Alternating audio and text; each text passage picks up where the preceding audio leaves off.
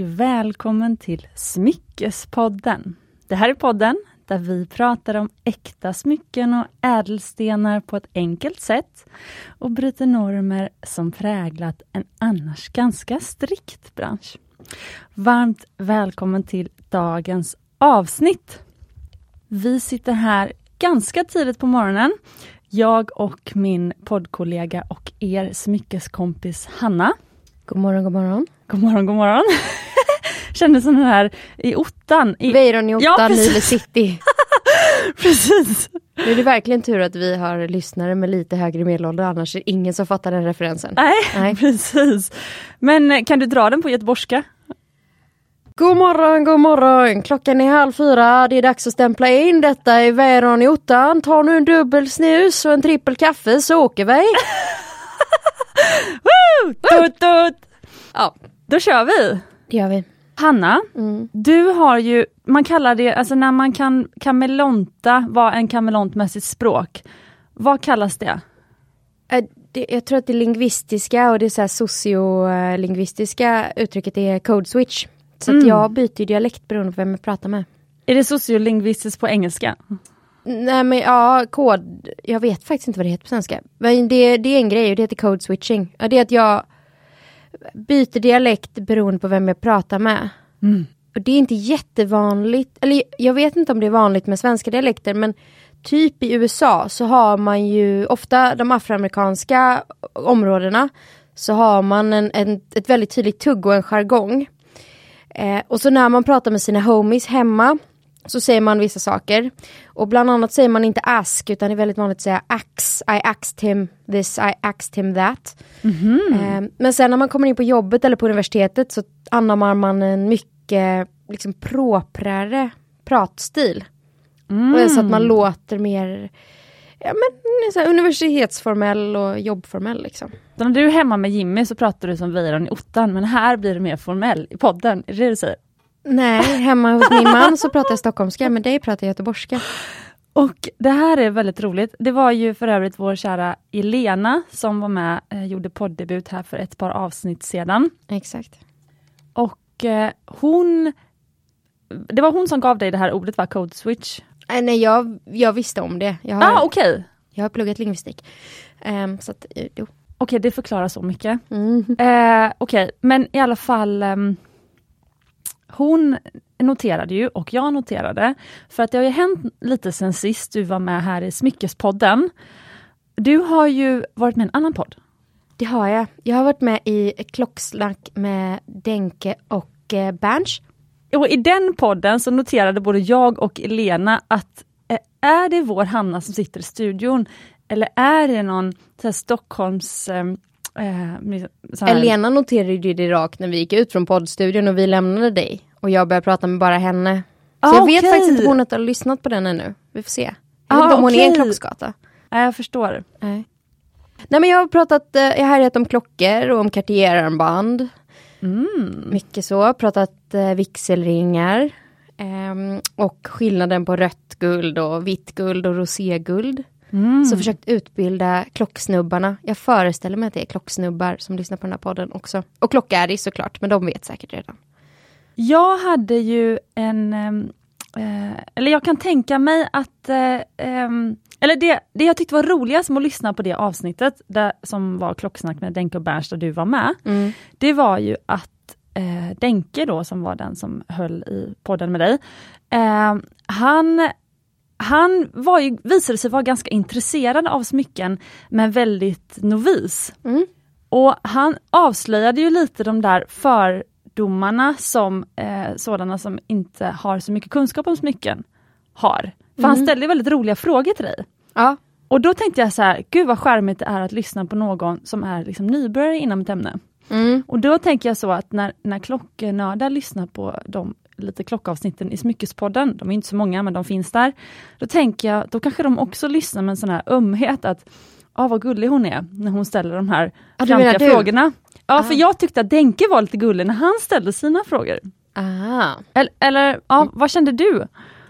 Nej men det var ett väldigt bra snack och vi, sen kommer vi ju som vi gör i den här podden också väldigt långt ifrån ämnet flera gånger. Ja. Eh, och jag, jag lyssnade på avsnittet igår och jag kände gud vad hetsig jag är. Jag, jag har så mycket ord som vill komma ut ur mig.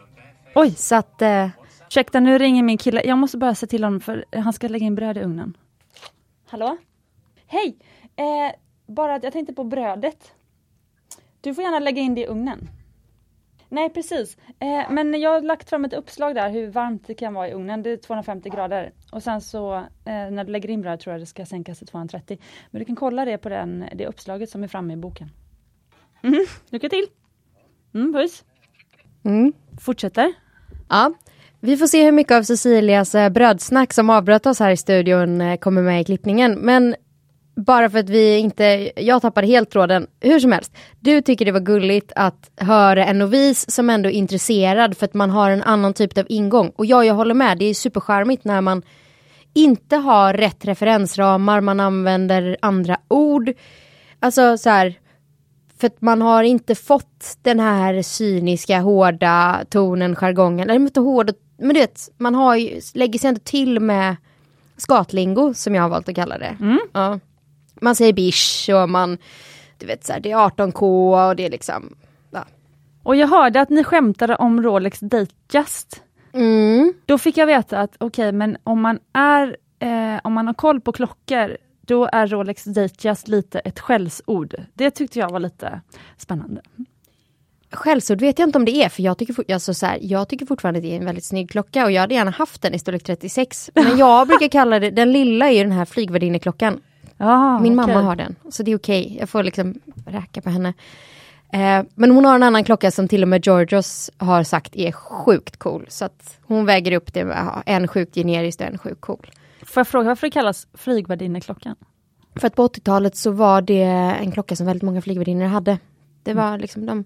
Du vet när flygvärdinnor var statusyrke. eh, Inte för att det är ett lågstatusyrke idag, men du vet den här glamorösa flygvärdinnan som alltid var perfekt makead och det var säkert inte en så schysst anställningsprocess för att man anställdes på ganska hårda krav och var tvungen att hålla sig på ett visst sätt. Ehm, Ja, utseendemässigt. Ja. Mm. Och eh, de hade ganska höga klackar så hade de en liten Rolex. Välmanikurerade fingrar, fransk manikyr tänker jag mig. Mm. Precis. Ja. Och så ler de mot alla. ja exakt. Det är ju härligt, det borde ju alla göra faktiskt. Ja. Men jag lärde mig någonting. Eh, och det var ett ord som ni använde som jag tyckte var roligt. Mm. Eh, nu ska vi se. Då, för då tänkte jag nämligen nu idag, som en liten del av det här introt Hanna, Mm. att vi ska göra en bling check. Oh, jag har wrist den- check. Ja, Denke bad dig att göra en wrist check. Ja. En wrist check det är man när man berättar vad man har. Så man egentligen i poddsammanhang får skryta om vad man har för klocka. Ja, precis. Hä? Så, nu Hanna. Mm. Det här har ju också att göra med vad du har gjort sen sist. Så jag tänker vi kör en bling check. En bling check. Eh, runt halsen så har jag min nya August Charm som jag har köpt från Miss Larssons eh, jewelry butik. Som, Danska Isabella, det är klart hon är dansk. Det är klart en så chic person är dansk. Det- Ehm, och det var hon som var med i vårt bonusavsnitt. ja, inspo. Jag tipsade om henne. Ja, 90, avsnitt 93 kan det ha varit va? Mm. Mm. Och jag hade tipsat om just eh, denna ballocken till mina följare. Men så kände jag att jag hade inte riktigt råd där och då. Ehm, men sen, sen sex, sju veckor senare så kom den ut igen. Och då skrev jag väl så här, men om ingen köper den så ehm, då tar jag den. och så, så sa hon, eh, du vet du kan få en avbetalningsplan och jag bara nej jag har en policy att inte köpa konsumtionsgrejer på avbetalning. Och det var inte för att jag inte hade pengarna, det var mer bara för att så här, ska jag verkligen lägga mer pengar på smycken just nu? Men sen så tänkte jag lite på det och sen så tror jag att det gick lite bra på jobbet och så sänkte hon priset med så här 25 procent. Oj! Mm, så hon reade, så då köpte jag den. Då Hanna, får man ha rea på äkta smycken? Eh, ja, det är väl hon vintage, eh, som vintage, alltså hon har inte sålt det. Jag tror att hon ville ha en rullians på sina grejer. Och det kanske var att hon hade missbedömt eh, värdet på den liksom. För hon har väl marginaler, och jag vet inte. Men hon, hon kör rea på saker som hon har satt ett pris på. De går inte, så varje vecka har hon vissa grejer som stockpieces då som hon eh, säljer ut. För det här talar ju för min teori som vi pratade om i avsnittet där vi pratade just om rea på äkta smycken. Det var avsnitt 86 Mm. och då har jag för mig, eller så eh, har jag bara tänkt det här nu, men jag för mig att jag nämnde samma tanke som jag tänkte nämna nu och det är att om man vill attrahera en ny kund. Mm. Alltså jag själv eh, med kläder. Jag har köpt mina första märkeskläder på rea men nu Just köper det. jag dem till fullpris. Eh, så samma sak eh, för dig då, hon attraherade faktiskt dig som kund. Eller hon fick över dig som kund till henne tack vare att hon hade rea. Och sen fick hon ju ett ganska fint inlägg om kundprocessen och så på min Instagram. Där jag förklarade hur det går till. Så hon fick ju, för att hon var så himla gullig och trevlig och tog hand om mig i kundprocessen, vilket jag uppskattar, så skrev jag om min kundupplevelse. Så dels vann hon mig som kund och sen så fick hon ju då också Alltså för jag tänker att det här med att doppa tån i att köpa äkta smycken av retailers online, alltså det är ju du har ju inte samma personliga kontakt som om du kan gå in och träffa någon i en butik liksom. Så att man får hitta andra sätt att göra det på. Och de lever på sina kundtestimonials och nu hoppas jag att hon fick ett bra sådant. Så det är den historien om den lilla August eh, Charmen som sitter, eh, det kommer en reel på den sen tror jag. Och Hanna har nu kvalificerat sig som en tvättäkta influencer. Och du gör ju det som influencersarna, alltså modebloggarna och så kanske gjorde för tio år sedan. Det vill säga att de faktiskt skrev om sin kundupplevelse på ett ärligt sätt.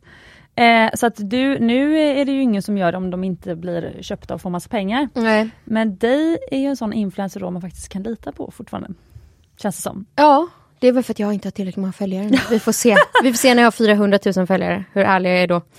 Eh, nej men jag hoppas. Nej men jag hade nog Jag hade nog inte skrivit om jag hade haft extremt dåligt men jag kundupplevelser, då hade jag nog bara inte sagt något. Eh, och sen hade jag avrått i det tysta till alla som hör av sig. Medan nu så är jag ju liksom, jag sjunger ju lovsånger. Men om vi ska fortsätta den här bling-checken då, för jag ser någonting på dina fingrar, men innan vi går dit så har jag faktiskt en, ett slätt guldband som jag har fyndat. Som, eh, om vi pratar budgetsmycken, Ja, jag tror att det kostar 800 spänn. 18k guld. det är ju ett skämt. Nej, det är väldigt tunt men... eh, Får jag kika på det? Mm. Får jag beskriva det? Ja. Det är som en liten version, för Hanna har väldigt små händer. Han har små händer och små fötter. Eh, men stor, eh, stor i orden. Stort ego. Ehm, men det är som en liten eh, ehm, Men det är som en manlig eh, vigselring liksom. Ja, jag tänkte säga unisex förlovningsring. Mm. Ehm, så den är, det är ett slätt guldband som är lätt välvt upp, eh, liksom, eh, på översidan. Mm. Eh, och så kanske det är 3 mm brett. Ja, två och en halv. Ja, ja det är 2,5, okej. Mm. Ja. Eh, och sen, sen är det ju väldigt tunt, det är ju inte så mycket gods i det, vilket är varför det var hyfsat billigt liksom. Så jag märkte det när jag stackade det, mina andra ringar är ofta lite högre och lite tjockare. Ehm, så jakten på det perfekta lite tjockare stackingbandet går vidare, men jag tyckte det var framförallt var det väldigt skönt, det passade väldigt bra. Och om man vill ha en liten avskalad look men bara ett litet, liten strimma av guld, en liten gold lining i sin vardag, så var jag nöjd. Mm. Och det här att det kostade 800 kronor. Eh, 18 karat guld just nu kostar ungefär eh, nu ska vi se. 450 kronor per gram får du om du säljer det på pantbanken. Så det kostar väl där i krokarna. Eh, ja precis, då är det lite dyrare inköp. Vi, när vi har räknat ut priset på smycken nu så har vi använt priset 530 kronor Ja, pa- i inköpspris på 18k guld. ja precis. Ja, då, då säljer man det för 450 där. Mm. Men 530, Mm. det är vårt inköpspris ex moms. Nu i och för sig, det är inte ehm, moms på guld på samma sätt som det är på vanliga varor, för det är inte, det är inte förädlat så. Eh, men när, när du köper, den som konsument ska köpa då guld, då behöver du betala moms på den ringen. Exakt. Eh, och då kan man ju se det som att om den ringen väger ett gram, Ja. 530 kronor, och så plussar vi på 25% moms på det, då är vi uppe i 662 och 50. Alltså du har i princip köpt ett gram guld inklusive moms i den ringen. Mm. Och det här är lite relevant för jag vet att det är en lyssnare som skrev till mig och hon vill starta ett billigare art deco smyckesmärke Just det. och priserna ska börja på 1500 kronor. Mm. Och då kanske det här ger en blick om att eh, alltså det är inte ens, inte ens paketering, alltså på pantbanken, du får ju med en liten sån här Organsapåse ja, organsapåse som, som kanske kostar två kronor på ja. Alibaba eller 5 kronor på Pandur Hobby. Eh, men eh, det är ju ingen, det är inte ens liksom, eh, man har inte ens tagit med nästan arbetskostnader för den som sitter på pantbanken och säljer det här till dig, de 10 minuterna. Nej. Eller 20 minuterna som det kan ta. Alltså så att det är Ja det här är ett extremt bra pris och det är ingen arbetskostnad överhuvudtaget med i det priset. Nej och det jag får är ett, ett det är liksom simplast möjliga 18 karats ring. Alltså den skulle kunna varit lite tunnare men det är knappt så. Det, är liksom, det finns förmodligen inget enklare och mer basalt guldsmycke här. Sen är det väldigt och fint och arbetat så att en guldsmed har ju arbetat med det här någon gång. Och det är stämplat och så men det är liksom no frills, inga dekorationer, ingenting. Nej, och att göra det för hand. Det kanske skulle ta en erfaren guldsmed i alla fall en halvtimme. Mm. Och så ska man ha arbetskostnad på det och moms på det. Lokalkostnad. Och, precis, och så lite guldavgång, alltså det kräver lite mer guld än vad sen slutliga... Ja det är lite svinn alltså? Ja det är alltid lite svinn. Ja som när man syr kläder då, att det blir alltid lite när man kuttar och det. Precis, men sen guldsmedjor, därför har du sett det på en guldsmedja, att, eller guldsmedsbänk, att man har som ett eh, lammskinn eller liksom ett tyg eh, Eh, ja, nu, vet, nu, vet, jag faktiskt inte om det är lammskinn, så jag ber om ursäkt guldsmeder om det är något annat. Men eh, det är ofta en skinnpåse under, eh, där, det fångar upp allt slipdamm. Ah. Så de är ju väldigt duktiga på att så här, återanvända allt slipdamm och till slut så har de samlat ihop så de här lilla, lilla eh, dammpartiklarna kanske efter ett halvår har blivit liksom flera hundra gram. Ah. Som man sen kan skicka in till Norsk Guld till exempel och få ny fräscha guldtråd ja, tillbaka. Och nu var det ju ändå, nu sa ju du allt som måste gå in. Och här vill jag säga, jag är ju egenföretagare och tar ju bara betalt för min tid. Jag sitter hemma så jag har inget kontor, jag har typ mobilkostnader, ibland så är det liksom lite tågbiljetter och lite flygbiljetter. Men det är liksom, jag har extremt låga kostnader i mitt företag, i mitt skrivande och det som, men det som jag tar betalt för är min tid och min tankekraft. Mm. Det är inga materialkostnader, inga dyra lokaler. Alltså, jämfört med en guldsmedja, absolut inga sådana kostnader. Och jag tar någonstans mellan 850 och 1000 spänn i timmen ex moms. Så att du får lägga på 25% och det är för att jag ska sitta och jobba med någonting i en timme. Mm. Um, så att det här med 1500 kronor vill man göra det i Sverige så tror inte jag att det är riktigt Jag ska vara krass, jag vet inte vem som ställer frågan men jag tror inte att det är rimligt. Eh, för att vi har arbetskostnader och det måste vara fair och sen ska det in material och Art är ju arbetat väldigt detaljrikt. Det är inte liksom den här släta guldbanan som tar ett halvtimme. Att göra ett snyggt Art smycke kostar pengar. Och det har vi pratat om innan att många av de här Art smyckena som man får vintage idag, de hade typ inte ens gjort idag för att arbetskostnaden och hur intrikata de är hade liksom inte lönat sig för folk är nästan inte villiga att betala för det idag. Um, och sen ska det liksom äkta material så att annars är det liksom massproducerat i bästa fall i någon fabrik under kassaförhållanden. Om en adekoring kostar så lite så det är, liksom, det är nästan det det måste vara. Um, jag kan tänka mig att när det blir lite mer eh, nu när liksom trenden är ännu mer att man eh, går och kollar vintage. Mm. För jag vet att det finns ganska många smyckesdesigners som jag vet som köper gamla smycken och sen så gör en gjutform på. Mm. Så du kan ju kopiera rakt av gamla art smycken Att göra en gjutform inte lika dyrt. Nej, men det tar väl fortfarande tid? Det är liksom fortfarande, då har du, då har du också kostnaden för att köpa det art smycket från början. Det jag försökte säga var att jag tror att man får kanske lägga på en nolla på den prisklassen och då börjar vi närma oss vad det skulle kosta. Mm. Det är väldigt intressant och jag ska säga att... Eh... Men jag kan ingenting sånt här, jag jobbar inte med det, jag bara tar mina egna erfarenheter. Precis, men egna erfarenheter är ju oftast det bästa att använda sig av, tänker mm. jag. Om man säger att det är ens egna erfarenheter. Eh, jag brukar göra samma. Eh, men eh, jag har faktiskt planerat in ett prissättningsavsnitt i podden. Så vi kommer ha ett helt avsnitt i podden där vi pratar med en guldsmed, som jag tycker väldigt mycket om, eh, och där vi pratar just om prissättning. Eh, och det ska bli väldigt spännande. Eh, vi tänkte spela in det nu i februari. Jag vet inte om hon lyckades ta sig till Stockholm riktigt. Jag, vi, mm. jag får veta snart. Eh, men det kommer komma kära lyssnare. Ska vi, ska vi ge en ledtråd då att hon är, hon, hon är inte stockholmska? Precis. Exakt så. Mm. Okej, men Hanna, vi eh, ska gå Skuttar vidare. vidare till din bling-check för jag ser en ring som jag aldrig har sett förut. ah, vad kul! Mm, precis, ja, eh, min blinkcheck. Ja. Mm. Jag ser din klassiska Cecilia Lace ring, lite av ett eh, statement för dig, som är vanligt. Och idag har jag på mig den som är eh, den lilla versionen. Mm. Mm. På långfingret, du brukar ha den stora på pekfingret. Det är alltså en ring som jag gjorde av min mormors gamla spets. Mm. Så lace på engelska då. Mm. Otroligt cool statementring, lite av din så här, ja men din motsvarighet till Engelberts The Not Ring, det är liksom den som sticker ut. Kanske det faktiskt. Ja. Mm. Och också inga ädelstenar, vilket är lite ovanligt för dig. Nej, och vet du vad, jag gjorde den med ädelstenar. Och sen kände jag, nej det här gillar jag inte. Eh, så jag sålde den till en stammis. Hon passar så fint i den. Apropå förra veckans avsnitt med klockor där Jonas säger att eh, han gillade inte vissa klockor tills han sen såg vissa, liksom rätt kunde ha på sig rätt klocka. Och då sa han så här, efter det så har jag slutat pracka på folk min smak. För jag vill hitta deras smak.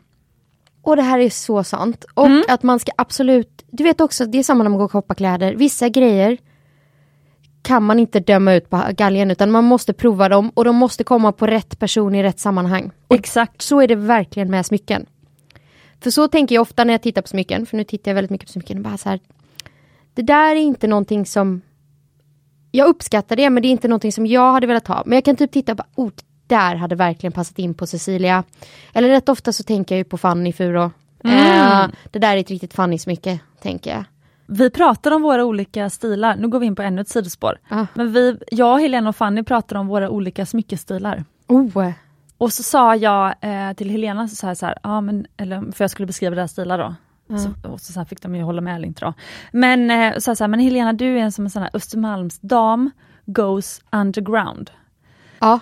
Och hon bara, åh det var den finaste komplimang någon någonsin sagt till mig. För jag har typ sagt nästan samma. Alltså, okej. så här, get your girl who can do both. Hon skulle ju kunna komma in med ett pärlkollier till sina coola tatueringar Exakt. och crop tops. Alltså, mm, Eh, ja, älskar det. Eh, och vet du vad hon tatuerar in nu på alla hjärtans dag? nej. Eh, En sån typ, hon, hon beskrev det som en typisk eh, så här, eh, så äldre man-tatuering. Så här, eh, typ på, liksom, på övre delen av magen, så här, do good, be good. Så hon bara, så cheesy som möjligt. Ja. Ja, i också, hon sa att det var en så typisk stil, också den, den eh, liksom handstilen som många män Typsnittet. har. Ja precis, typsnittet som, ja så. Men, men Fanny då? Mm, Då sa jag så här, du är ju fröken understated. ja. Men liksom. hon är också en closetskata. Alltså hade hon fått händerna på en 18 karats diamantmarkis så hade hon ju bara, japp. Exakt, men det är också, vad är det svenska motsvarigheten, du som pluggat lingvistik, vad är den svenska motsvarigheten till understated? Eh, lågmäld. Jaha, okej, men jag tänker lågmäld fast egentligen är det inte lågmäld utan det är så här, hon vet vad det här är. Så hon går in på Tiffany's och köper den mest liksom, Mm. annorlunda Tiffany-ringen som bara är så här, Men hon är väldigt if you know you know. Hon, exakt if you know you know, det är Fanny. Det var Precis. absolut inte svenska men hon är, hon har ju absolut inget så här, hon vill absolut, hon är raka motsatsen till de som köper till den här mäklarsnubben som ville köpa en vit solitär och inte en brun. Precis. För Fanny väljer det hon gillar och det kan vara snordyrt, ingen fattar. Precis. Ja, om man inte vet. Men hon vet. Precis! Och vi vet. Ja vi vet. Eh, men även så är det med Markis. Mm. Det är ju också så här, det är, nej, ja, nej men jag tycker att det är... Det är väldigt mm, talande att det är hennes favorit. Ja, och jag är nog en mix av de två. Mm. Eller Ja. båda två. Så. Du är ju väldigt mycket mer färger och eh, mycket mer färg än båda de två. Det är faktiskt sant. Mm. Det har jag inte tänkt på. Nej, men det är du. Mm. Eh, men det är svårt att se sig själv utifrån. Men jag är väldigt nyfiken på den här, ja nu säger jag det, du har en jävla klackring på fingret. vad, vad är det? Jag har aldrig sett den förut. Nej, det står eh, GO Ja, och det är, du kan tänka att man vänder på Original Gangsters. ja, Fast det, är det inte då. Nej. Utan det står för Gunnar Olofsson. Vilket är min morfar. Ah. Och mamma hade gett mig en liksom påse guld för hon tänkte att så här, om jag lämnar in lite guld till Cecilia så kan hon smälta ner det eller liksom lämna på återvinning till norsk-svenskt guld och så kan vi göra ett nytt smycke till eh, mamma då. Mm. Och sen så tog det liksom några år och nu städade jag och så hittade jag den här guldpåsen. Eh, och jag bara, det är, Gick på skattjakt hemma. nej, men det är en jättecool länk. ja. Eh, så eh, jag tänkte, jag har inte med mig den idag tyvärr, men, men den var så här, den här ska inte smälta ner. Nej. Eh, och sen skattjakt hemma, exakt så, som Pippi Långstrump. Mm. Eh, och sen så hittade jag en stor klackring med en onyx Ah. i typ storlek, alltså ni som kan storlekar, men typ killstorlek 23-24. Det är så sjukt, sjukt stort. Eh, det hörde till eh, mormors, nej morfars bror, men gud.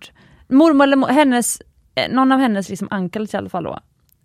Är- Mormors eh, morbror eller farbror. Mm. Ja, eh, eh, ja precis, mammas farbror eller morbror. Eh, och det är en, en klackring som bara är som en, klacken är bara en enda stor svart onyx, alltså en svart slät sten. Det är ganska guld. vanligt. Mm, precis, Det och med karneol. ja precis. Ehm, och eh, han bodde i Skärhamn och jag kommer så väl ihåg honom för han hade höns. Alltså han bodde så som jag och Björn bor nu. Fast på västkusten. Ja precis, eh, i en fiskarby. För övrigt fick vi chans att köpa höns, eller få höns förra veckan, men Björn vägrade och jag respekterade det. Tyckte jag var ganska stort. Så. Mm. Men, Det höns, var stort av dig. mm, men höns någon gång i framtiden. Ja. Thoughts and prayers till Björn. Eh, men sen så den andra klackringen var alltså då morfars gamla klackring som det bara står, en väldigt väldigt klassisk klackring som det bara står ett stort G och ett stort O på i lite klassisk liksom Geo girls only. Ja, fint, exakt. Och sen tänkte jag överraska mamma, så var jag så här, jag ändrar storlek på de här två klackringarna. Mm. Så smått det gick. För det går inte att ändra klackringar hur smått som helst. Alltså utan, Nej, för att klacken är ju en liksom. ja, utan att riskera att bryta klacken. Ja. Lite så guldsmedsteknik i det här.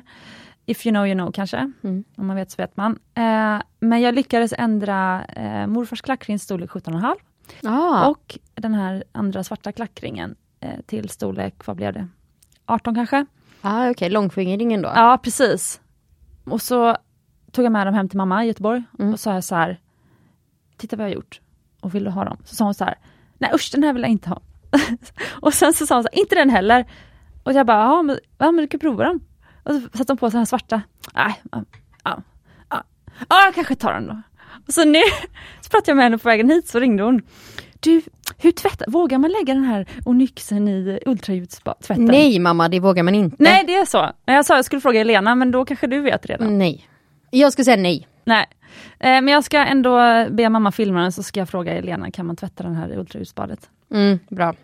Men fråga en gemolog, allt är bra. Precis, men det var ju härligt för nu sitter den ena klackringen på mitt finger och andra klackringen på mammas. Och ni som har lyssnat på Smyckespodden, ni vet att jag har ju nästan inga eh, smycken alls från när jag var eh, liten eller ärvda smycken eller någonting för att de föll bort när jag, eller kom bort när jag var 14 år. Mm. Eh, så att det här är ju nu, jag känner det här med smycken som gått till släkten.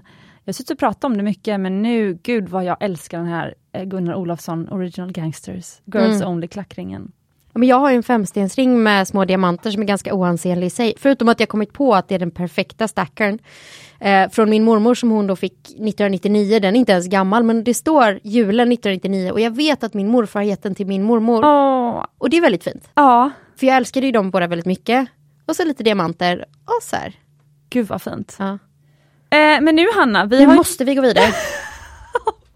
För vi vi skulle... kanske får klippa lite här. Ja. Det blir för långt intro. Fast, Nej, vi ska Nej. inte klippa. Däremot så ska vi börja prata frågor, för det har vi fått några. ja, Och vi kom ju in på en, det här med, ja, du tog upp det här med RDK arbetssmycken, det var väl kanske inte riktigt en fråga, så, men lite. den var för stor för att bli en fråga kände jag. Ja, det får bli ett avsnitt. Ja precis. Men vi bestämde oss för att ha frågepodd. Det var Hannas idé. Vi frågade på både våra konton, både på Smyckespoddens Instagramkonto och på eh, Smyckeskompisarnas Instagramkonto. Är du redo att gå in på frågorna? Ja. Då kör vi!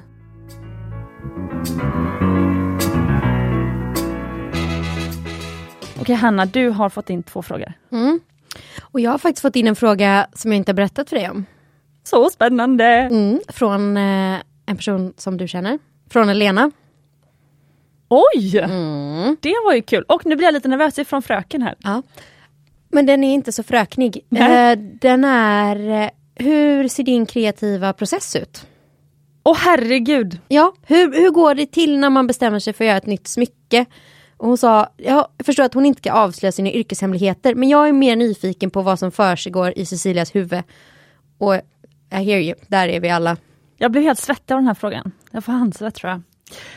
Eh, men jag kan dra ett exempel för att jag har ju precis levererat en sk ett skräddarsytt smycke.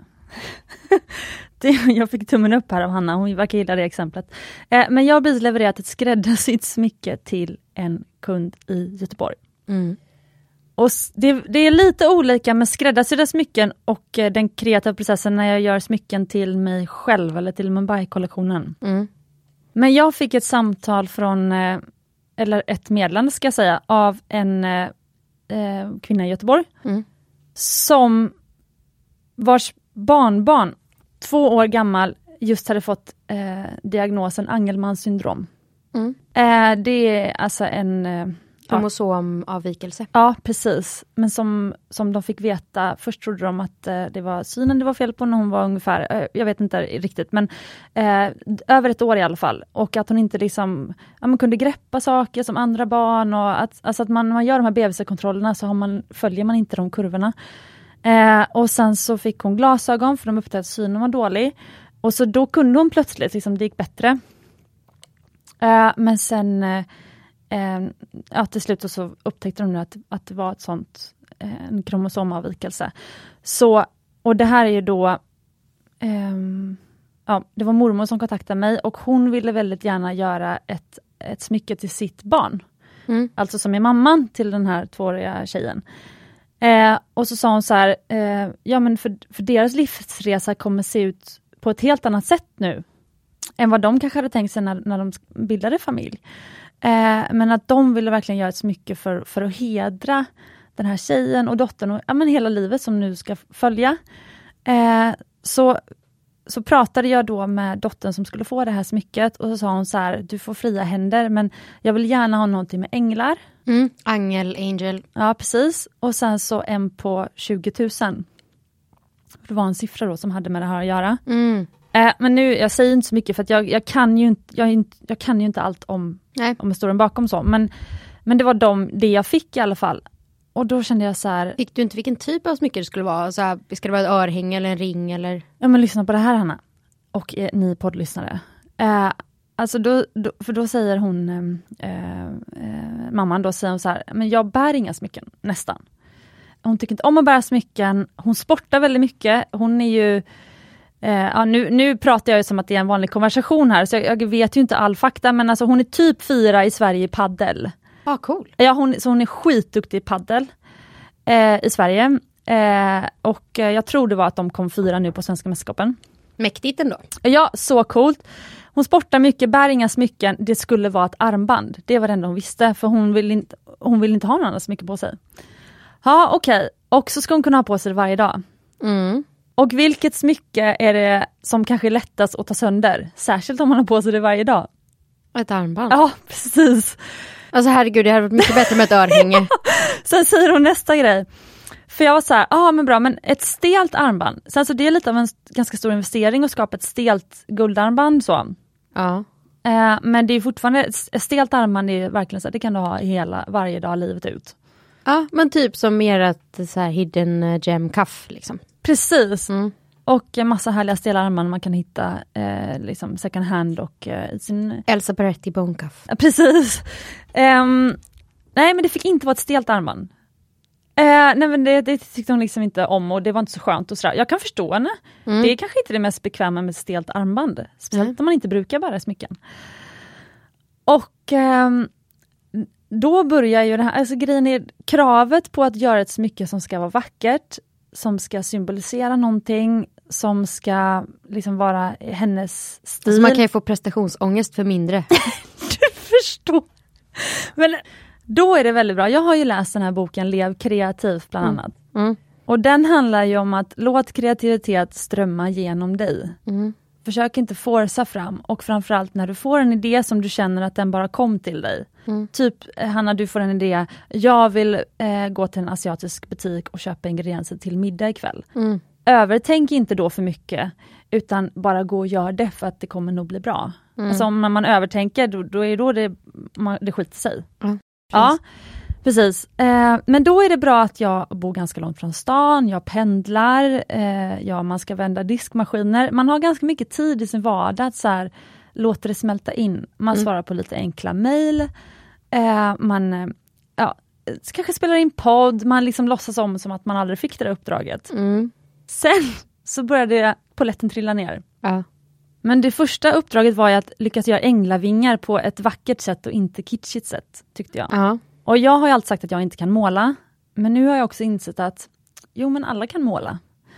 Så då satt jag mig faktiskt och ritade en änglavingel. Mm. Liksom bara så här med, en, med liksom som ett drag med handen. Och så var jag så här, det här blir nog bra. Så tog jag ett kort, skickade till min CAD-ritare och så var jag så här, kan du kadda upp det här och göra ett, ett örhänge till mig? Mm. Jag har sett det örhänget. Ja. Mm.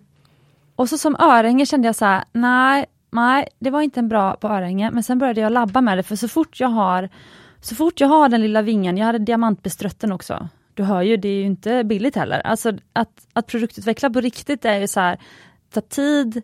Och tänk all den tid, tänk om jag tänker min konsulttid Ja. som jag har lagt i pengar på bara tänka på såna grejer. För det, så har jag det också. Jag går ju och tänker på mitt jobb exakt hela tiden. Ja. Kan ju inte fakturera när jag går på stan och tänker på saker men lik förbannat är det ju då de kreativa poletterna trillar ner. För Exakt. ofta handlar det om när det väl lossnar, då går det ju fort. Precis. Men vägen dit kan man ju sitta och bara, ja i mitt fall och stirra på en datorskärm och typ radera och flytta på kommatecken. Precis. Ja, du kommer på dina fancy lines. Ah, ja, Ja, duschen. Ja, ja precis. Mm. Vi har alla våra ställen. Mm. Ehm, men sen, jag kommer inte heller ihåg hur det här kom till mig, men jag, jag visste att jag var nöjd med änglavingarna och att jag skulle göra två speglande änglavingar satt mot varandra. Mm. Så hade jag bestämt mig för att det här ska bli låset på armbandet. Jag visste Ah. inte vilket lås, hur de skulle fästas i Blev det varandra. ett kistlås då eller? Det blev ett kistlås. Och det fick jag rekommendation från en av mina guldsmeder. Mm. Ni tittat Anna på klockan här? Nej jag, jag fick en notifikation. Jaha, jaha, du har en sån klocka. Ristur, ja. Jag tänkte att min berättelse tog för lång tid. Där. Nej, nej, nej. Okej, vad bra. Eh, nej men eh, eh, sen så gjorde jag, den andra grejen var ju att eftersom hon håller på med paddel, hon är så himla duktig på det. Och det började också med, jag vet att hon spelade tennis när hon var liten. Mm. Eh, och hennes pappa är skitduktig i tennis. Mm. Eh, alltså hennes pappa Racketsporter, alltså familjens grej. Ja precis. Så jag var så här, eh, men du så här så att El- Elsa heter hon eh, då, den här mamman till tvååringen. Så jag, men Elsa, vet du vad tennisarmband är? Är det okej om jag liksom utgår från ett tennisarmband, så skickar jag en bild på, på vårt tennisarmband. Liksom, gillar du den? Hon bara, ja men det gillar jag. Och då var den så här, då, någonstans, och så skickade jag också en bild när jag hade gjort mitt, mitt ängeörhänge, Ja. eller eh, vingeörhänge, Mm. ängelving. Då skickade jag så här, så här tänkte jag ängelvingen, för att en ängelvinge kan ju se ut på många olika sätt. Mm. Men då hade hon ändå så här, hon gillade tennisarmbandidén och hon gillade min vinge jag hade gjort. Mm. Ehm, ihop med dem i team. Så, ehm, så, och, så, så då fick jag ändå bekräftelse på vägen. Men sen vet jag inte hur det kom till mig men eh, jag gjorde en länk som är ganska ovanlig för att vara tennisarmband och det är markisslipade diamanter. Mm. Den här slipningen som ser ut som en eka. Och det som är så fint med markis är att det är franskans för, det är typ fin adel. Alltså en, Mm. en liksom högaktningsfull kvinna. En fin kvinna. Ja, det är Marquesa som är kvinnliga motsvarigheten. Markis är ju en adelsrank, ungefär som greve eller hertig. Markis. Ja, okej. Ja, okej. Eh, precis. Eh, och då kände jag så här, ett armband som ska vara för en liten tjej som så här, alltså hon är värd att aktas. Mm. Alltså jag var så här, markis, det är klart det ska vara markislipade diamanter. Mm. Och jag älskar den formen också. Och sen så ville jag väldigt gärna, för jag ville få in det en på 20 000, så ville jag så himla gärna att det skulle vara 20 markisdiamanter som var länken. Mm. Sen så var hennes, eh, hon behövde ha storlek, vi gjorde det 17 cm långt, armbandet. Och då ska alla proportioner stämma. Mm. Så jag satte guldkulor, runda guldkulor mellan varje markisdiamant, men det blev ändå 22 stycken. Mm. Så då sa jag så här, vet du vad, jag kan ändra designen, eller så gör vi så här att det är 20 diamanter för din dotter, sen är det en diamant för dig och en diamant för mormor, Snyggt. så hennes mamma. Så det blev, och det, det, det vill hon. Så, så det blev symboliken. Eh, och sen så det blev ett tennisarmband, Ett paddelarmband. Ja, paddelarmband, precis, paddelarmband. Eh, där, eh, 22, där länken består av 22 markislipade diamanter, guldkulor mellan varje och så två ängelvingar eh, som lås i ett kistlås. Och sen så överraskade jag henne med att skriva hennes dotters namn Estrid på kistlåset Mm. på sidan. Är det nu vi bestämmer att eh, markisslipade diamanter i på en rörlig led runt armen är ett paddelarmband? Tack! Ja, precis, det bestämmer vi. För det behöver inte vara exakt det formatet men, men markisslipat mjukled armband, då är det ett paddelarmband. Ja. Mm. Och sen ska jag säga att när jag visade, för jag, mormor fick ju vara med i processen såklart också, så då när jag visade då mormor, alltså Elsas mamma, eh, den här vingen, Mm. då var hon så här, "Hå! jag vill ha en sån runt halsen, kan du inte snälla göra en ballock av en vinge? Snyggt. Så då gjorde jag en liten ving, ängelvingeballock till, eh, där jag också skrev Estrid på baksidan, som är diamantbeströdd, som mormor har runt halsen nu. Vad fint. Ja, jättefint. Eh, När Estrid blir större kanske hon skulle kunna få ett där det står mammans och mormors namn på. Ja, vad fint! Det var en fin idé. Eh, men sen så frågade jag faktiskt henne, för att precis som du säger, det är ändå viktigt känner jag att få in det här för att custom order, alltså jag känner ju så här, det, det är typ som att springa ett maratonlopp eller föda barn eller vad som helst. Alltså, det är fruktansvärt medan man håller på. Det är väl som författare som skriver böcker eller Ja. det, den kreativa processen är ju alltid jobbig. Också som förlossningar, man glömmer bort hur jobbigt det var så därför skriver författare nya böcker tror jag. Och folk föder, föder mer än ett barn. Precis, precis så. Nej men alltså, men sen så, må, det är som att gå i mål, du vet när du springer i mål eller seglar över mållinjen. Eller har gjort färdigt en tenta. Ja precis, eller precis. Och så känner du så här, åh gud vad jag har blivit så mycket, alltså jag har lyft mig själv ett steg, alltså jag har lärt mig så mycket. Alltså, man, ja, alltså, så att det är sån himla tillfredsställelse och se hur glada de blev såklart. Det är ju den högsta. Men bara med prissättningen Mm. tänkte jag på. För det är ju väldigt olönsamt att bara göra custom-smycken. Ja. Eftersom att du kan ju aldrig riktigt prissätta, som du säger, du kan inte prissätta när du står i duschen och så vidare. Så att det är Alltså det är kollektionssmyckena som man kan sälja, alltså jag säljer ju våran Edith-ring, gjorde vi för 5-6 år sedan. Vi säljer ju den fortfarande. Det är ju lönsamt. Om man då tar en annan parallell till bilar som båda våra män gillar. Ja, Eh, så så här, det dyra är motorutvecklingen. Och när du väl har utvecklat den så måste man kunna använda den i så många modeller att man kan räkna hem utvecklingskostnaderna. ja exakt Så, så. så är det ju med allt. Det är ju en dyr initial investering. Och sen måste man bara försöka få den så att man får ut den, så att man smetar ut den, så att alla olika bilar bär den kostnaden för utvecklingen. Precis. Mm. Så om man inte vill, jag säger det också till om det finns andra fellow designers där ute. Alltså mitt råd är, så, eller, alltså, jag tycker att man bara ska ta de uppdrag där man känner att man själv, man får kreativ frihet, man får liksom, det är ett tufft men roligt uppdrag där du känner att du utvecklas och du kan verkligen skapa värde också för, för kunden. Och Men- våga ta betalt för det. Ja, det med, eller, liksom så här, eller bara se det som att så här, du fick gå en, en egen, du fick gå en egen liten kurs eller göra en workshop för dig själv att liksom utvecklas. Eh, och du kanske inte kan ta betalt för det som, som du borde.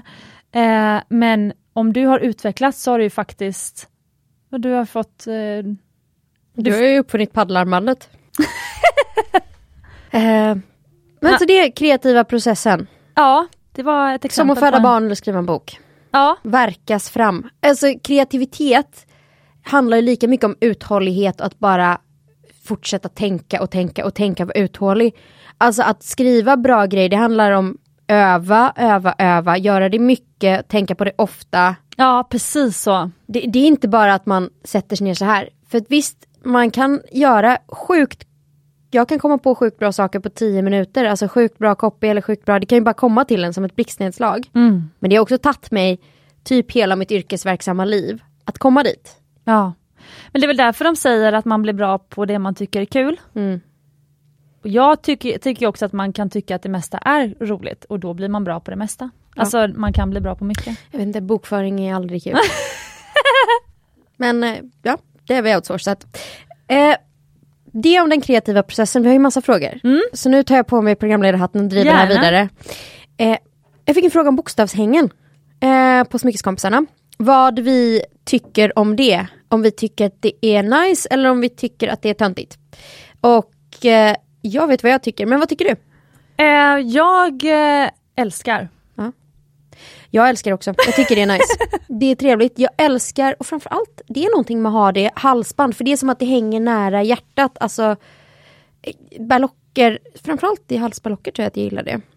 Eh, men det finns ju väldigt olika prisklasser. Liksom. Det, det versatiles mycket. Men jag måste säga, ty, alltså, tycker du om det lika mycket på andra som på dig själv? Ja, men du har ju ett, eh, typ ett bokstavsmycke runt Ja, halsen nu, jag. tycker Mm. det är jättefint. Ja, vad kul! Ehm, och alltså, sen så tycker jag att det är kul för att precis som att det finns olika typsnitt så finns det olika bokstavshalsband och man kan ha liksom eh, som eh, Helena sa då Old Man eh, typsnitt eller så kan man ha sjukt cleant eller man kan ha skrivstil. Det är klart att jag inte älskar alla bokstavshängen men jag gillar verkligen tanken och jag tycker att det finns många snygga. Du har ju diamantbeströdda och det gillar jag ju. Mm, det här är ett väldigt enkelt bokstavshalsband. Men eh, för, för jag, på andra så kan jag nog tycka att det är mycket roligare att titta på deras andra smycken. Mm. Alltså om någon har ett eh, S runt halsen, alltså det säger inte mig något så mycket om inte jag verkligen känner den här personen och vet vad S står för. Det är lite mer spännande att titta på som du har ju den här häftiga berlocken nu, eh, som du köpte från eh, MS Larsson. Mm. Och den är ju väldigt spännande att titta på för jag blir så här, vad är, vad, vad, vad är det för symboler? Och vad, alltså det är, förstår du? Det var därför... Men den är ju mer intrikat. Ja, men, men för sig själv så kan man ju verkligen liksom. Ja, alltså jag älskar mitt bokstavshalsband men andra kanske tycker att den här lilla kompassen eller liksom stjärnan som jag har nedanför är roligare att titta på. Jag har ju en liten halsbandsstack. om det är någonting vi har lärt oss så är det att man ska bära smycken för sig själv och inte för någon annan. Ja, både och i och för sig. Ja okej, men man, ska gill- man gillar ju det man gillar. Mm. Eh, och jag gillar bokstavsmycken, du gillar bokstavsmycken. Jaha. Och sen får man väl ta att det kanske inte är det smycket i din samling som andra skator kommer flockas över. Eh, nej, precis så. Eller så är det det. Who knows? Eh, ja, who knows. Gillade hon som ställde frågan bokstavsmycken tror du? Men jag tror att hon var sugen på att skaffa ett till ett som representerar ett av sina barn. Och det är väl en superfin tanke. Liksom. Mm. Nu har jag fått ett sms här från Björn och han undrar om brödet ska se... Oj! Oj, du har fått en sms-uppsats här. Ja, vi tar det sen. Ehm, men apropå det så fick vi en till fråga som, som jag fick på Smyckespodden. Mm. Det handlade om berlockarmband. Kan man jämföra det med bokstavsmycken tycker du? ja, men där är det ju lite mer tolkning. Alltså så här den här lilla eh, rosen som hänger här. Vad symboliserar den? Är det att hon gillar röda rosor eller heter hennes kille Rosén i efternamn? eller alltså det finns ju... Den tänker nog många. Nej. Ja, men balockarmband. Jag har ett gammalt bischbalockarmband som min mamma, det är nog en gammal Bismarck-länk, som min mamma fick när hon var i USA som utbytesstudent på 70-talet. Och på den så hänger det silverballocker, det är från olika ställen i USA och mycket kring Ohio där hon var. Så det är någon baseball, det är för eh, statens här, eh, State of Ohio, det är från ett universitet. Alltså det är verkligen så här, det är en historia i ballocker. Mm. Eh, Den ligger nog hemma. Gud, den ska jag ta med när vi har bischavsnitt. Snälla ja! Ja. ja. Ehm, det är ju roligt att vi har ett bijouteriavsnitt eh, coming up. Mm. Och prata om avslöjar vi det här. Ja precis, och prata om kanske när är det faktiskt himla kul med bijouterier och vad kan bijouterier fylla för funktion även i kanske en äkta smyckesgarderob. Mm. Men det tar vi då. Men jag eh, tänker ju på ballockhalsband. Mm. För det gillar verkligen jag. Mm. Eh, Alltså det som är med bokstavs... Förlåt. Balockarmband det är ju att man vevar ju, både du och jag pratar lite grann med händerna. Mm. Alltså händerna är inte så ofta stilla när man pratar med någon. Så att det är ju svårare att fokusera på någons ballocker för man blir så här, vad är det du har på handen? Jag vill titta på de här balockerna. Om det är Eller så är det då man får grabba tag i handen och verkligen titta. Sant. Men typ som jag kan ju nu när vi sitter här, kan, kan jag verkligen sitta och studera den här medaljongen, dina två medaljonger som hänger runt halsen. Mm. Eh, och jag får ju mycket tid på mig att liksom betrakta det. För Mm. det ligger ju still där runt halsen. Så Mm. Ja men det är rätt. Eh, Balockarmband, jag tycker att det är lite jobbigt. Det är inte så... De fastnar ju i saker och ting, balockerna. ja, gör de det när du har på din mammas armband? Ja. Men de är kantiga och liksom vassa. Mm. Eh, så det, men det är jävligt effektfullt, typ som till en party-outfit eller så här. Sant. Men vardags hela tiden på av med jackor, du vet. Men jag känner ju samtidigt att för, för Stephanie var här, Mm. butikschefen på Jarl Sandin. Och hon är ju som en levande reklampelare för eh, skandinaviska smyckesklassiker. Mm. Bland annat eh, Ole Lyngårds elefanthalsband. Mm. Och den elefantballocken är ju bedårande. Mm. Alltså jag kan ju älska sådana här, det här lite lekfulla i ballocker. Mm. Eh, och eh, jag själv då har faktiskt förberett nu inför min emaljeringskurs Mm. om eh, två veckor. Då har jag förberett en liten silversköldpadda Ah, som jag har gjutit upp. mm. Mm. Älskar sköldpaddor. Ja, och eh, den tänkte jag se om jag skulle kunna emaljera. Mm. Kanske i grönt då kanske. Eh, Ja, jag har spanat lite mycket på så små emaljägg på auktion. ja, Eh, sådana där små ryska... Exakt. Eh, ja, de, de kostar inte en miljon alltså? Nej, det, nej men det är ju inte Fabergé. Men sen, de har varit ganska billiga. Men problemet är att det står inte exakt vilket material det är. Så jag har hållit, de jag hittat har varit så här, jag vet inte om det är pläterat eller om det bara är silver och därför har jag hållit mig undan. Mm, jag förstår. Mm. Eh, jag tänkte faktiskt att vi skulle spela in ett litet bonusavsnitt sen. Mm. Mm. Det får vi prata på. Precis, men där tänkte jag att Hanna ska få avslöja sin nya stora nyhet. Vad säger du om det? Ja, då tar vi det då. Ja. Perfekt. Ja, det, Eh. det är värt ett eget litet bonusavsnitt. Så håll utkik på söndag, då, då släpper vi förhoppningsvis ett bonusavsnitt. Ja, Mm. perfekt. Men då har vi en fråga Ja. innan vi får gå till den nyheten. Mm. Um, hyra äkta smycken. Ja, Mm. det här älskar ju vi. Det Mm. var ju en eh, väldigt kär kvinna måste jag säga. Eh, alltså en, Friend of the pod. ja precis. Eh, hon har varit med i podden, men hon eh, skickade DM till oss båda två och tyckte så här, vad tänker ni om eh, kanske den här affärsidén, att, eller finns det en affärsidé i att eh, hyra ut äkta smycken? Mm. Och så ville hon liksom höra lite grann bara våra tankar kring det. Och det uppskattar vi att ni ser verkligen oss då som en lite sådär, Bollplank. precis, så det var väldigt kul. Så vad, vad tänker vi om det?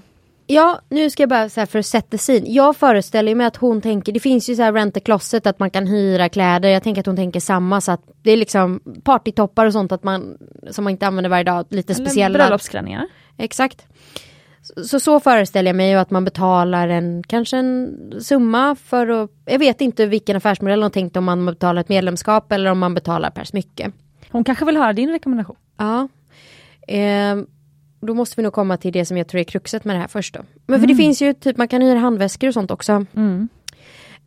Min första tanke är, oj, hur gör man med försäkringar? Mm, bra tanke. Ehm, Relevant. För att jag tänker att de smycken man eventuellt vill hyra är ju inte vardagssmyckena. Man vill liksom inte hyra en vigselring eller sin standardhalskedja utan man kanske vill hyra en maffig cocktailring eller ett tennisarmband eller för special occasions. Så jag tänker att det är av naturen inte de billigaste smyckena. Nej. För då hade man köpt dem själv kanske och investerat i dem. Eh, så försäkring, uh, den är klurig. Mm, Hur gör andra då? Hur gör man? Vadå? Bröllopsring, eh, förlåt, eh, klänningar kan väl vara värda 50 000? Eller 100 som man hyr. Hur gör man med dem då? jag tror inte att de bröllopsklänningarna som man hyr är värda så mycket. Det är ofta vintageklänningar. De är nog inte alls så dyra. Och ett fortfarande, och säga att de kostar 20 000 då. Det är fortfarande billigare än ett tennisarmband. Skulle jag säga. Mm. Ehm, liksom. Men, men ja, jag vet faktiskt inte hur de gör. Jag har inte gjort min research här uppenbarligen.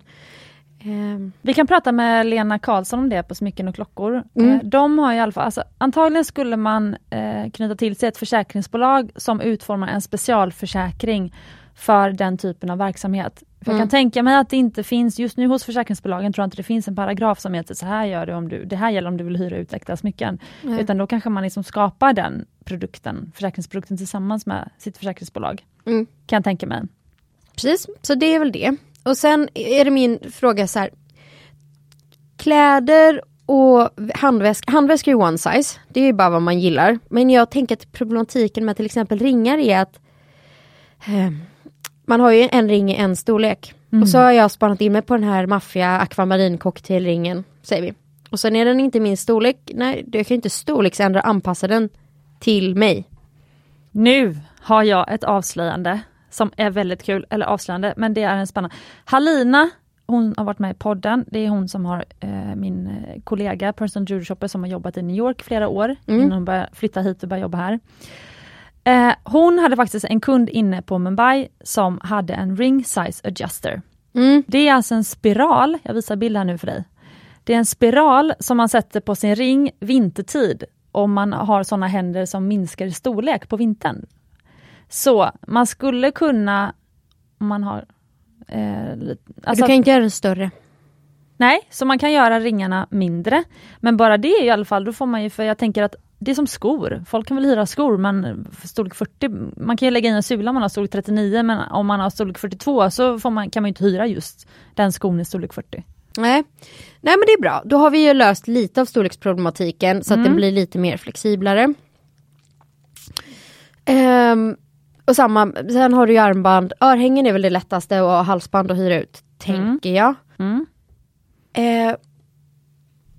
Och jag tänker, alltså så här, jag funderar på Smycken är så jävla personligt. Jag tror att det är klurigare än att hyra kläder. Eh, jag vet inte varför, men det är kanske för att jag är så personligt attached till mina smycken att man vill ha eh, liksom så personliga anpassningar och så och det går inte att lösa genom att ha lite eh, knappnålar och lite liksom jag vet inte, säkerhetsnålar. Vad tänker du? Ja, det är väldigt intressant att höra det måste jag säga. Och jag har redan kommit på lite. Ja. Tack för att du tog ordet först, för nu har jag fått lite tankar. Ja, för jag har slut. Det som talar för då, Mm.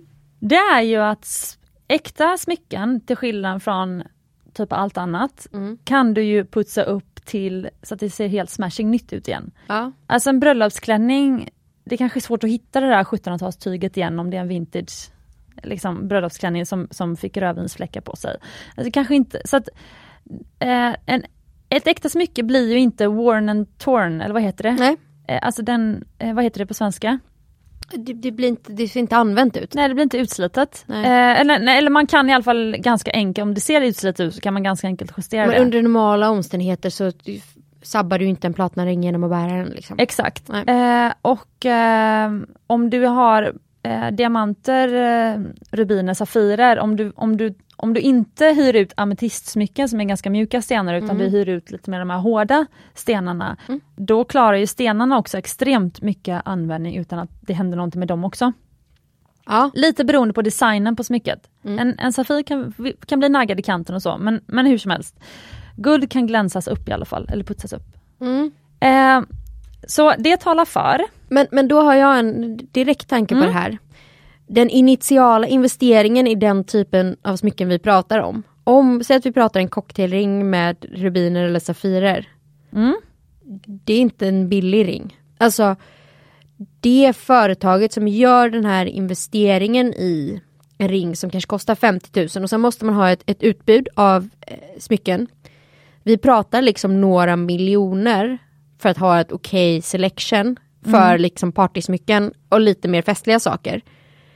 Räknar du någonsin hem kostnaden på en ring för 50 000 för hur mycket kan du hyra den för? Säg att du tar 1000 spänn för att hyra ut någonting för en kväll. Och för det här var det jag tänkte på när jag hörde frågan. Så här, vad är jag som konsument villig att betala för eh, någonting en kväll? Ja, men ofta så köper man kanske en ny outfit till ett party och det kan ju kosta allt från några hundralappar till säg 4000 kronor. Så säg att man kanske är villig att lägga 2000 kronor på sin outfit då. Det vill säga det är ungefär det jag kan lägga på hyra ett smycke. Det betyder att just den här cocktailringen för eh, 25 eh, för 50 000 kronor måste hyras ut 25 gånger. Plus då administrationskostnader, allting annat. Så vi kanske är uppe i 35-40 gånger. Mm. Kommer det hända? Men jag har en tanke vad man skulle hyra ut. Mm. Om jag skulle starta ett smyckesuthyrningsföretag, Okej. då skulle jag hyra ut Engelbergs Nottring, Cartier Love Bracelet, Mumbai Stockholm Edith Ring, Elise Ring. Eh, alltså eh, Georg Jensen, eh, de, de, Offspring-ringarna kanske. från Eva Attling. Eller, eller Georg Jensen är är Offspring. Off- offspring. Just det, och Eva Attling har ju eh, eh, kanske deras eh, sån här, eh, de här, de här ja, i och för sig, jag tänkte på de här härliga eh, Love beatsen, nej. Nej men jag tänkte på deras, eh, lite de här co- cocktailringarna men, men de, Ah, ja, bend over. ja bend over precis. Mm. Eh, lite så här, Ja, lite som att man hyr ut Chanel-väskor. Så att de är som syns, som alla vet vad det är för smycke. Liksom. Ja, det handlar om att det är designklassikerna för det varumärket. Mm. Ehm, Lotus kanske? ja, precis. Men, men då handlar det om att man gör, man gör en konditionsrapport först. Mm. Ja, smycket såg ut så här när du fick det. Hur ser det ut när du kom tillbaka? Typ som när man hyr skåpbil Ja. eh, på Statoil. Eller OKQ8 eller vad det heter. Mm. Circle K. Ehm, och det är också de smyckena, för typ som jag fick prova eh, Stephanies, eh, hon har ju en slät stor The Not-ring. Mm. Och så var jag så här, mm, den här hade jag kunnat tänka mig att ha på mig i två veckor. Mm. Absolut inte investera i den, för det finns, som du har sagt i tidigare avsnitt, alltså det finns så mycket annat kul som jag, alltså jag vill ju frossa i, i smycken, jag vill inte köpa en för Nej. så här mycket pengar. Alltså jag, jag är ju tyvärr inte gjord av pengar jag heller. Eller alltså så. Eh, så att så här, jag, men jag hade ta mig tusan velat bära den i två veckor. Typ som att man lånar sin, sin, sin mammas smycke kanske. Jag hade gärna lånat mammas lotusring i några veckor. Mm. Det hade jag gärna gjort. Men hade, du hade inte köpt en Lotusring själv? Eh, jo men den hade, jag hade kunnat köpa en sån faktiskt. Ja. Eh, nej men jag älskar lotusringen. Eh, men jag kanske vill hyra den först då för att känna efter Mm. faktiskt. Eh, och sen också, ehm, det kan ju vara kul, så att man ska åka ner till Rivieran eller man ska till Amalfikusten och så vill man känna sig som en så French lady med tre eh, love, Cartier Love Bracelet. Så bara, ja men jag hyr den över semestern. Jag hyr tre Cartier Love Bracelet, ett med diamanter, ett utan. Så, hyr jag det över semestern. Mm. Det är ju lite kul. Men vad ska du då betala för att hyra det här armbandet som kostar 300 000? Det är ju frågan. Ja men den andra grejen bara, förlåt, eller, Mm. för nu, nu avbröt jag dig vet jag. Nej, nej. Nej okej, vad bra. För jag tänkte bara säga att vi, jag vet ju det att alltså, vi har ju två Edith-ringar. Mm. Som vi, för att vi, det är alltid någon på utlån till någon som vill fria. Ja. Så det, vi, de betalar fullpris pris för att låna ut den eftersom att, eller för att köpa den, men sen kan de få lämna tillbaka den eftersom att vi Alltså Ja. mot att de, alltså, de kan byta till valfritt annars smyckkollektionen. Mm. Men hur som helst, jag tror också att eh, de andra varumärkena som jag har nämnt nu, alltså jag tror Engelbert har några, några The Not Ring, för det är alltid någon som har köpt till en present som med retur, Så du tänker att det är de individuella smyckesmärkena som hyr ut sina klassiker? Nej men jag tänkte också om du investerar, säg att du investerar i gamla smycken, hint hint, Ja. så kanske du har några hem, liksom i, din, i ditt lager så att säga som så här, det här, du har alltid en den här ringen på, på lager för att det är en klassiker second hand. Jag säger det nu, det kommer inte hinna bli något bonusavsnitt. Jo men, vi, ja, men vi får ha en, en, vi får boka en till tid bara, Ja. vi löser det. Just nu kommer det inte bli det. Eh, för jag vill inte stressa igenom det här, för jag tror att vi är inne på någonting bra. Ja, Men, eh, vad tänker du om det jag säger nu då? jo, men jag, alltså jag tror ju att det kunde vara en clever idé att samarbeta. Alltså det, är- det är nog så man får lösa det. Jag tror att du har knäckt det nu. Det är nog så man får göra. Man får samarbeta med de individuella smyckesmärkena så att man slipper äga liksom smyckena. För att, att investera i de här smyckena inte värt det. Men att använda liksom visningsexen Precis, är nog lösningen. För jag tänkte nog på det här fel. För du, du, ja, vi du måste ändå ha, ja för vi, grejen är vi måste ändå ha visningsex. Ja, ja. Men som presslån, kläder, alltså handväskor och sånt, det har man ju också. Antar jag. Precis, men eh, äkta- Till gissning. Precis, men där är det också, för det, den andra grejen är, eh, alltså jag har ju nämligen en erfarenhet av det här, jag har ju hyrt ut ringar. Mm, ja, jag har ju hyrt örhänge. Eller lånat. Precis. Men du eh, lånade väl faktiskt, du signade väl ingenting? Jo, jag fick. Fanny kom ett eh, handskrivet kontrakt. För... Ja! Jo, jo. Ja men då har vi båda erfarenhet. Ja, Precis, du lånade örhängen av oss till ditt bröllop. ja. Sen fick jag ju i och för sig lånade gratis. För att jag hade lagt en hutlös summa på ringar innan tror jag. Men och vi kanske Friends with benefits eller Ja, exakt. Friends with dual benefits. Exakt. Ja. Fördelen med att skaffa er en bästis som har ett smyckesmärke. Eh, nej men ja, nej men jag fick absolut skriva på ett kontrakt för det var ju ändå så här. Det jag lånade var ju en diamantstad. Alltså den hade ju den kostar ju massa pengar. Nu jag tog jätteväl hand om den. Och det Ja, var ja. inte som att den blev sliten men hade jag tappat bort det så. Nej men även då för när journalister ibland har velat låna smycken från oss. Alltså ingen stylist eller en Hanna lämnar liksom showroomet utan att ha betalt för sitt smycke utan att ha skrivit på ett ansvarskontrakt. Nej precis. Så det är det man gör. Och samma gjorde jag med hon, för det var eh, flera år sedan, det var en tjej som verkligen ville ha ringstacks på sitt bröllop. Hon ville ha hela händerna fulla av ringar. Och hur coolt, Underbart. ja, hur coolt är inte det? Du bara det här, I approve. Men det är ju lite så här, då ska du, du som lyssnar nu då, tänk dig själv att du då går och hyr smycken, eller vi säger då, du, du ska hyra en Engelbertsen Ottring då. Mm. Diamantbeströdd, den flashigaste. Eller tre Cartier Love Braces som jag vill göra till min, min nästa Amalfikusten-resa. Mm. Eh, då ska jag, eller du då som lyssnar. Jag vill ha dubbla bone cups i guld. Ja precis, då ska man skriva på ett eh, kontrakt som är så här, du har nu lånat eller liksom hyrt smycken till den, som är värt, totalsumma är värt 200 000. Eh, om de kommer bort så är du skyldig det här, Mm. signa. Mm. Och innan det här har blivit en bra business och försäkringsbolagen har liksom bra kanske track record av det här eller Mm. känner att de är trygga med det. Då kanske liksom den här hand, vad heter den här risken? Handpenningen, depositionen. Nej Eh, men den här, om det händer någonting med smycket. Alltså, för det kan ju vara- självrisken. Ja, självrisken. Självrisken kan ju inte vara, alltså du kan ju inte betala en självrisk på Cartier Love Brace som är på 10 000 och tappa bort det. För att då kan ju någon enkelt, ja jag hyr det här Cartier Love Bracet, tappa bort det inom citattecken och säljer det second hand. Alltså det måste ju vara en väldigt hög, väldigt hög självrisk som gör att det inte är värt att, eh, så att säga, inom citattecken tappa bort det. Jag säljer på andrahandsmarknaden. Mm. Ja precis, så det är ju lite det som är kruxet. Sen med det sagt så kanske man kan ha identifikationstecken på smycken. De är ID-numrade. Ja å andra Love sidan bracelet. kan man, ja precis, okej det är bra. För att på cyklar kan man ju ID-märka och jag vet inte hur det är med bilar för vi hyr ju en vinterbil nu. För Mm. våra, vi har inte den här, våran snabba, snabba sportbil på vintern. Ehm, som är en gammal second hand sportbil ska jag säga, så att den låter inte så flashigt som det är. Mm. Eh, billigare än alla elbilar på marknaden ska jag säga. Men ehm, eh, den, då hyr ju vi en bil från Volkswagen nu över vintern.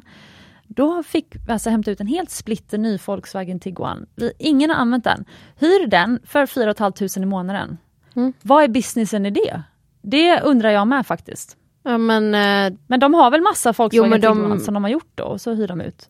Jo men och sen så säljer de dem. Ja precis, så det är väl något sånt Och sen så b- du betalar, det du betalar täcker mer än upp för värdeminskningen. Så att de tjänar pengar på att, säg att du betalar 4000 kronor i månaden men den värdeminskar bara med 2000 kronor. Mm. Och sen så tjänar de pengar på det och sen så tar de upp den, rekondar den och säljer den.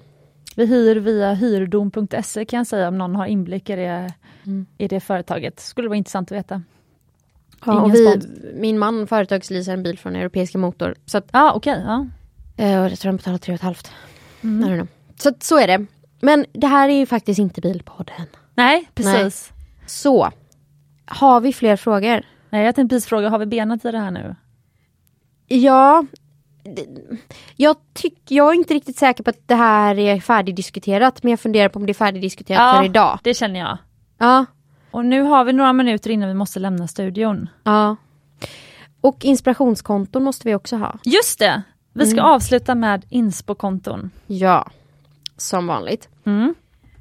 Och då har ju, jag har ju fått en dille i huvudet att få för mig att eh, jag vill ha ett konto som är smyckesrelaterat och sen vill jag ha ett som bara är så allmänt vackert, inspirerande och kul. Mm. Eh, som, som du också då kan titta på som inte är ett smyckesmärke. Ja, vad kul! Mm.